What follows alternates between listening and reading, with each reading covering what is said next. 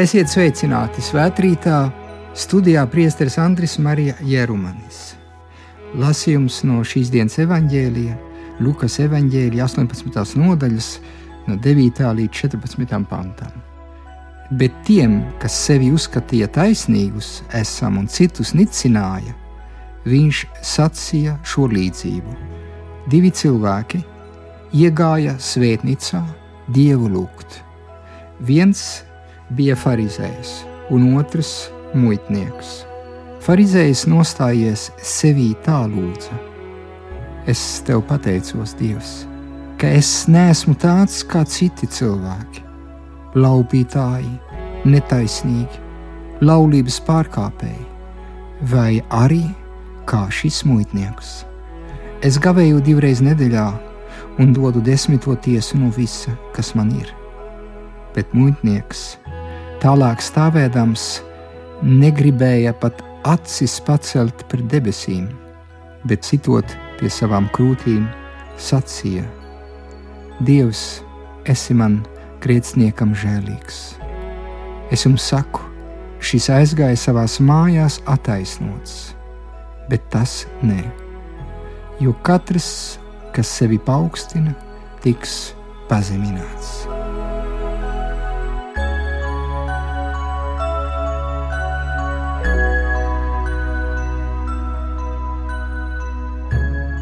Šīs svētdienas evaņģēlijas ir ārkārtīgi svarīgs. Viņš mūs ieved kristietības garīgā centrā. Viņš mums nostāda, kādiem mums ir jābūt Dievu priekšā. Iesāksim ar šiem Kristus vārdiem, ko mēs nu patam dzirdējām. Jēzus atkal runāja šo līdzību par dažiem, kam bija cieša pārliecība būt taisnīgiem un nicināja citus. Piezīme, ar kuru šis fragments tiek atvērts, aizkustina katru no mums. Patiesībā mēs vienmēr esam kārdināti justies pareizi, attaisnot katru savu uzvedību Īsākais veids, kā to panākt, ir nosodīt citu kļūdas. Mēs vienmēr skatāmies uz skarbāru, kas ir brāļa acī, un mēs nevērojam baļķi, kas ir mūsu acī, saka Jēzus. Tādā veidā mēs kļūstam akli pret savām kļūdām. Nevienu no mums Dieva priekšā nevar uzskatīt par taisnu, un nevienam nevar būt tiesības nicināt savu tuvāko. Piedošana, žēlastība un pestīšana ir dāvanas, ko Dievs dāvā visiem tiem, kas nāk pie Viņa un lūdz ar pazemību. Mēs svētdienās dodamies uz baznīcu, un šis evaņģēlijs palīdz katram no mums uzstādīt jautājumu un pārdomāt, kā nokļūstam mājās, vai esam tādi paši kā iepriekš, Šodienas līdzība runā par diviem cilvēkiem, vīriem, kuri devās uz templi lūgt. Viens bija farizējs un otrs muitnieks. No pirmā acu uzmetiena kontrasts nevar būt skaidrāks. No vienas puses mēs atrodam farizēju, reliģiozu cilvēku, kas pieder pie reliģijas elitārām aprindām, kas tiek cienīts kā dievīgs un priekšzīmīgs cilvēks.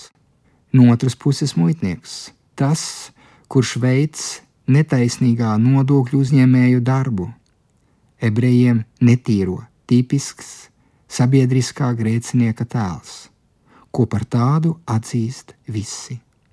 Abi dodas uz templi, lai sarunātos ar Dievu, bet viņu lūgšanas ir pretējas. Šie divi vīrieši, ja vēlaties ir divu iespēju personifikācija, kas vienmēr ir mūsu priekšā un kas arī ir katrā no mums.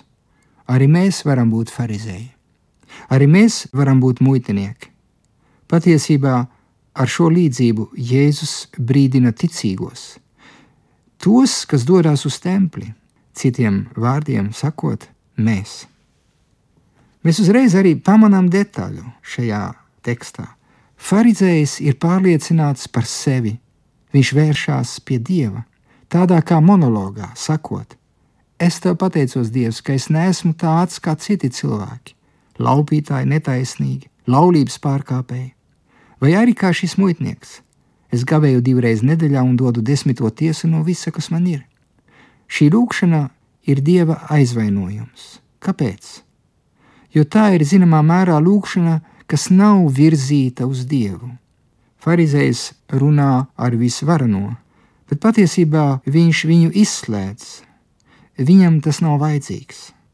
Viņš aizstāv savu es ar Dievu un pateicās nevis par to, ko Dievs savā uzticīgajā mīlestībā ir darījis viņa labā, bet gan par to, ko viņš pats ir darījis Dievam. Šis cilvēks ir pilns ar sevi. Viņam ir pieņēmums, ka viss ir kārtībā. Viņš dara labus darbus, kuriem tomēr nav vērtības, jo tie sākās no lepnas un pārgalvīgas sirds. Darbi, ko viņš dara, kalpo viņa lepnumam.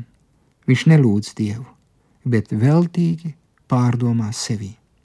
Un šeit ir briesmīgākās sekas, sekas, kas bieži sastopamas tik daudzu cilvēku dzīvē.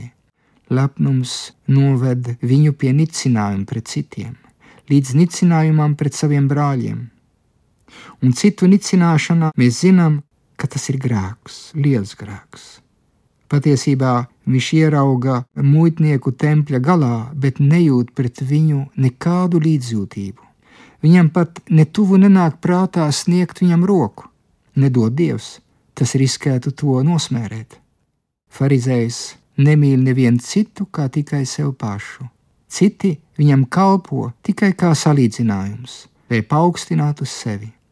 Diemžēl ļoti daudz cilvēki šādi uzvedās. Kas lūdz Dievu un nemīl savu tuvāko, tas visu ir darījis nepareizi kas lūdz kā farizējs, atstāja templi, nesaticis Dievu.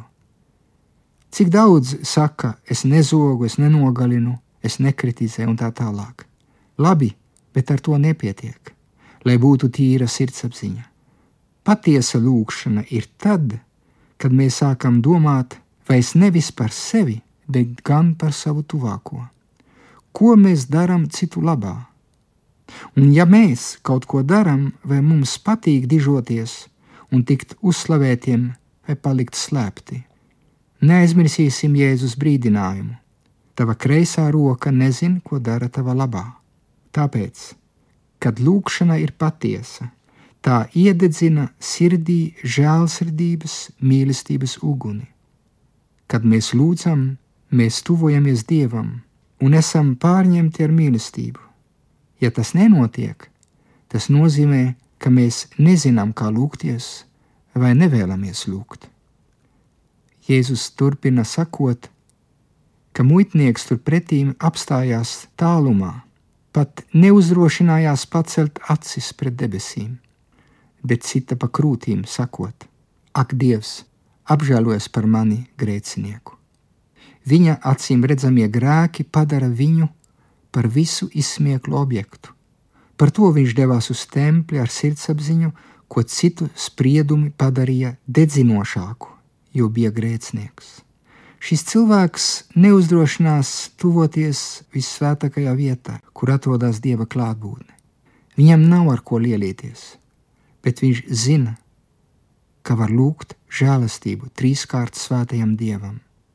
Viņš piedzīvo tādu pašu sajūtu kā Pēteris Jēzus svētumā priekšā, kas teica: Kungs, atkāpies no manis, jo es esmu grēcinieks. Tāpēc lūkšana, ak, Dievs, apžēlojas par mani, grēcinieku, ir tā, kas vislabāk izsaka mūsu stāvokli. Mēs esam aicināti atpazīt savus kritienus un pieņemt, ka Dievs to pārklāja ar savu neizsīkstošo žēlsirdību, vienīgo patiesi nepieciešamo mūsu dzīvē. Mūtnieks patiesībā ir lielisks lūkšanas skolotājs. Viņš māca mums, ka attiecības ar Dievu tiek veidotas sākot no patiesības par sevi. Lai kāda tā arī būtu, sirds celtos pret Dievu, gaidīt viņa pestīšanu, viņa labestību. Tajā pusgaismā Dievs tuvojās, lai tevi satiktu, lai paskatītos tev acīs, lai draudzīgi pasmaidītu, noslaucītu visas tavas asaras. Viņš to spēja un dara, kā lasām 113. psalmā. Varīgos viņš paceļ no putekļiem, paceļ nabaks no netīrumiem. Jēzus vēl pasvītro, ka atšķirībā no farizēja, muitnieks attaisnots atgriežas savās mājās. Farizējs ir atgriezies savā mājā, ķieģeļu mājā, kas izklāta ar spoguļiem, māja, kurai tikai viņa ķermenis. Viņa nelūkšana bija pilnīgi bezjēdzīga, tā viņu neizmainīja, nelika viņam satikties ar Dievu. Viņš neatrada sapratni un labvēlību vienkārši tāpēc, ka viņš to nelūdza. Tādas ir viņa iekšējās mājas, apklātas ar savu ego spoguli. Viņš tikai sevi saskata un ne dievu. Bet savukārt muitnieks mūs atkal pārsteidz. Viņš atgriežas savā mājā, atkal uzņemas savu dzīvi, dzīvojot to vairs ne kauna tumsā, bet gan dieva gaismā. Viņš ir saticis sevi un dievu. Tagad viņš var doties mājās, beidzot atgriezties dzīvē. Viņa sāpīgais ceļojums nebija veltīgs. Godīga tikšanās ar kungu ļauj šim cilvēkam iegūt jaunu dzīvi, padarot viņu svētu ne tikai no fasādes kā farizējam, bet arī no iekšpuses. Muitnieks savā sirdī dzīvo templi, kas tagad kļuvis par dieva māju vietu, klātbūtnes namu, tikšanās vietu, mīlestības svētnīcu. Zīmīgs ir Jēzus secinājums. Muitnieks atšķirībā no otra atgriezās mājās attaisnots, jo kas sevi paaugstinās, tas tiks pazemots, bet kas sevi pazemos, tas tiks paaugstināts. Faktiski muitnieks lūdz Dievu ar lielu realismu, pieņemt, ka viņš viņu atpazīst par to, kas viņš ir - grēcinieks, kuram vajadzīga žēlastība. Tāpēc muitnieks patiesi nožēlo grēkus un izējot no tempļa, būs jauns cilvēks. Cilvēks, kurš nenonicinās savu brāli, cilvēks, kuram nebūs pārdrošības vai augstprātības. Tas, kurš sit pa krūtīm un lūdz žēlastību, zina, ka viņam ir piedots, un būs laimīgs, kad varēs kādam piedot. Lūkšana viņu ir dziļi pārveidojusi. Attiecināsim uz mums šo līdzību. No ārpuses mēs izskatāmies labi, bet skatoties no iekšpuses, kā mums klājās Dievu priekšā. Muitnieks rāda mums ceļu uz pestīšanu. Nometīsimies ceļos kopā ar viņu, jo tikai tie, kam ir nožēlas pilna un salauzta sirds, kā saka 51. psalms, var vērsties pie Dieva, zinot, ka viņi ir uzklausīti un piedoti. Mēs nespējam pareizi novērtēt, izvērtēt citus, jo mēs sevi nepazīstam pietiekoši. Rakstnieks un domātājs Tomas Grīns raksta: Esmu nonācis pie pārliecības, ka lielākais šķērslis patiesai izšķiršanai un patiesai izaugsmē lūkšanā ir nevis dieva netveramā daba, bet gan tas, ka mēs paši sev pietiekami nepazīstam un pat nevēlamies izzināt sevi tādus, kādi mēs patiesi esam. Gandrīz visi no mums slēpjas aiz maskas, ne tikai citu priekšā, bet arī skatoties spogulī. Mēs slēpjamies aiz maskām Dievu priekšā, mūsu priekšā un citu cilvēku priekšā garīgais ceļš iesākās ar sevis iepazīšanu, izvērtēt, kas mēs esam. Svētā Terēza no Aviles ir eh, atstājusi eh, baznīcai kā dārgakmeni savus piedzīvojumus, kas ir eh, atspoguļot viņas rakstos. Viņa parāda, ka katrs cilvēks vēlās redzēt dievu, bet, lai redzētu dievu, ir jāieiet sevi un jāpazīst sevi. Un īstenībā tā tas ir. Mēs nevaram lūgt Dievu, ja mēs sevi nepazīstam. Jau senā Grieķijā, Delfi templī ieejot, bija uzrakstīts, tu cilvēks, kas ieeji šeit, atceries, ka tu esi mirstīga būtne. Nu, lūk, pazīt sevi ir ārkārtīgi būtiski. Tad, kad mēs tuvojamies Dievam. Atstāsim mūsu maskas, noņemsim tās, meklēsim patiesību tādi, kādi mēs esam, Dieva priekšā. Mums visiem ir kārdinājums būt maskā, pat mūsu priekšā. Pasvītroja nesen pāvests Francisks. Viņš raksta, Dieva klātbūtnes aizmiršana mūsu dzīvē iet roku rokā ar nezināšanu par sevi. Šīs dienas evaņģēlijas ir aicinājums ieiet sevī, pārdomāt par mums pašiem, lai sevi labāk pazītu un tādējādi pareizi izvērtēt mūsu dzīvi, mūsu attiecības ar Dievu un mūsu tuvākiem klātesošiem cilvēkiem. Izzināt sevi nav grūti, taču tas ir nogurdinoši. Tas nozīmē pacietīgi iekšējo izrakumu darbu. Tas prasa spēju apstāties, izslēgt autopilotu, kas ir ieslēgts mūsu dzīvē, tā Francisks to atgādina. Mēs vienkārši darām visu aiz ieraduma, pieceļamies, strādājam, ejam gulēt, bet mēs vairs paši sevi nesatiekam. Mēs neiegūstam izpratni par to, kā mēs darām mūsu lietas, par jūtām, kas mūsos mīt, par atkārtotām domām, kas bieži vien bez mūsu ziņas mūsu vada. Ir vērts apstāties. Katru dienu, noslēdzot un pārbaudīt un izmeklēt savu sirdsapziņu, kas notika manā sirdī šajā dienā.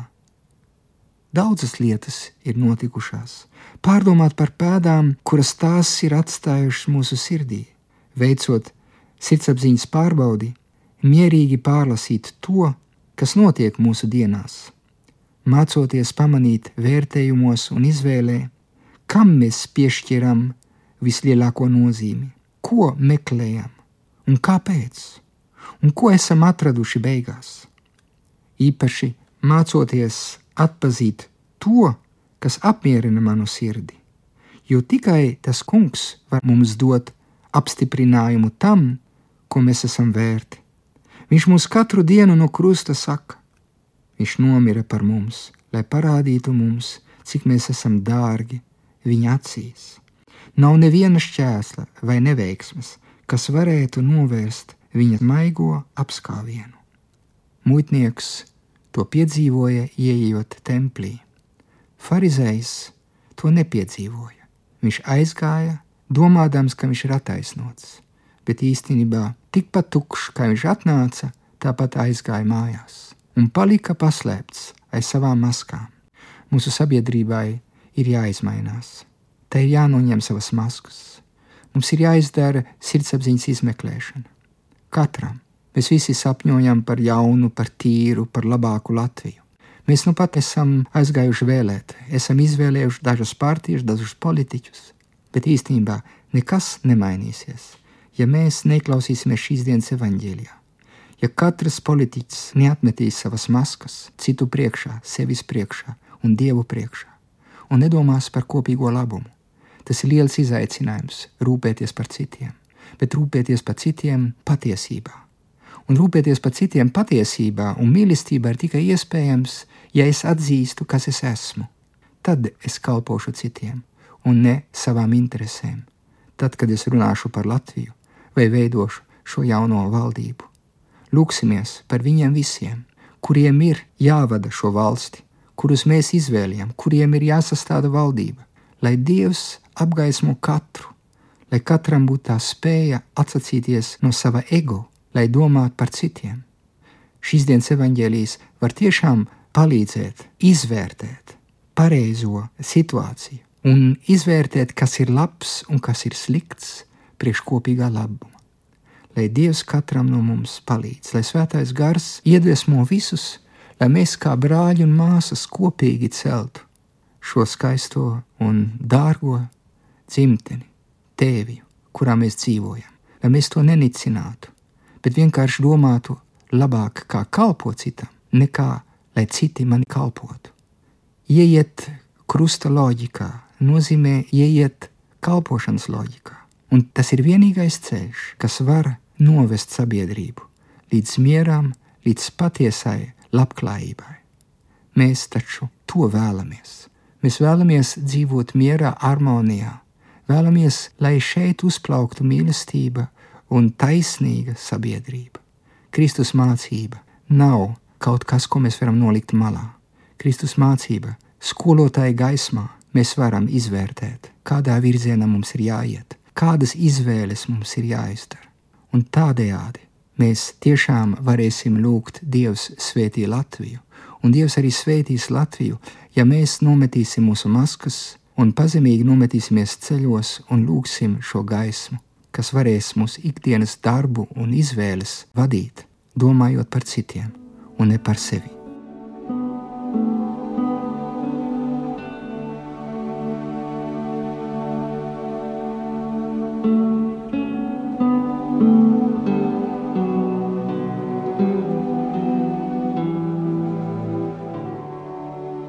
Tēvs mūsu, kas esi debesīs, svētīts lai top tavs vārds, lai nāk tava valstība, tavs prāts, lai notiek kā debesīs, tā ir virs zemes. Mūsu dienascho maizi dod mums šodien, un piedod mums mūsu parādus, kā arī mēs piedodam saviem parādniekiem, un neieved mūsu kārdināšanā, bet atpesti mūs no ļauna. Amen! Svētrītā ar jums kopā bija priesteris Andris Marija Jerumans.